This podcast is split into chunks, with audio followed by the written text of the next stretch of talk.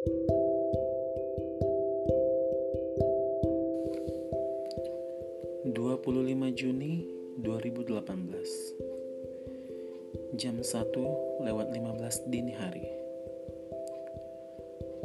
Pada malam itu Aku baru ingin tertidur dan memejamkan mata. Rasa sangat kantuk menyelimuti mata ini.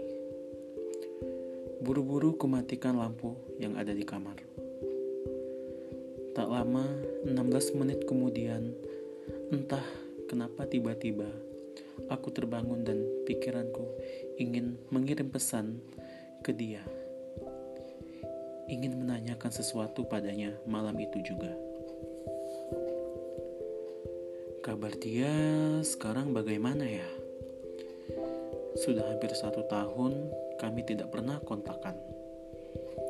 Dan juga apakah dia ingin melanjutkan studi yang dia inginkan?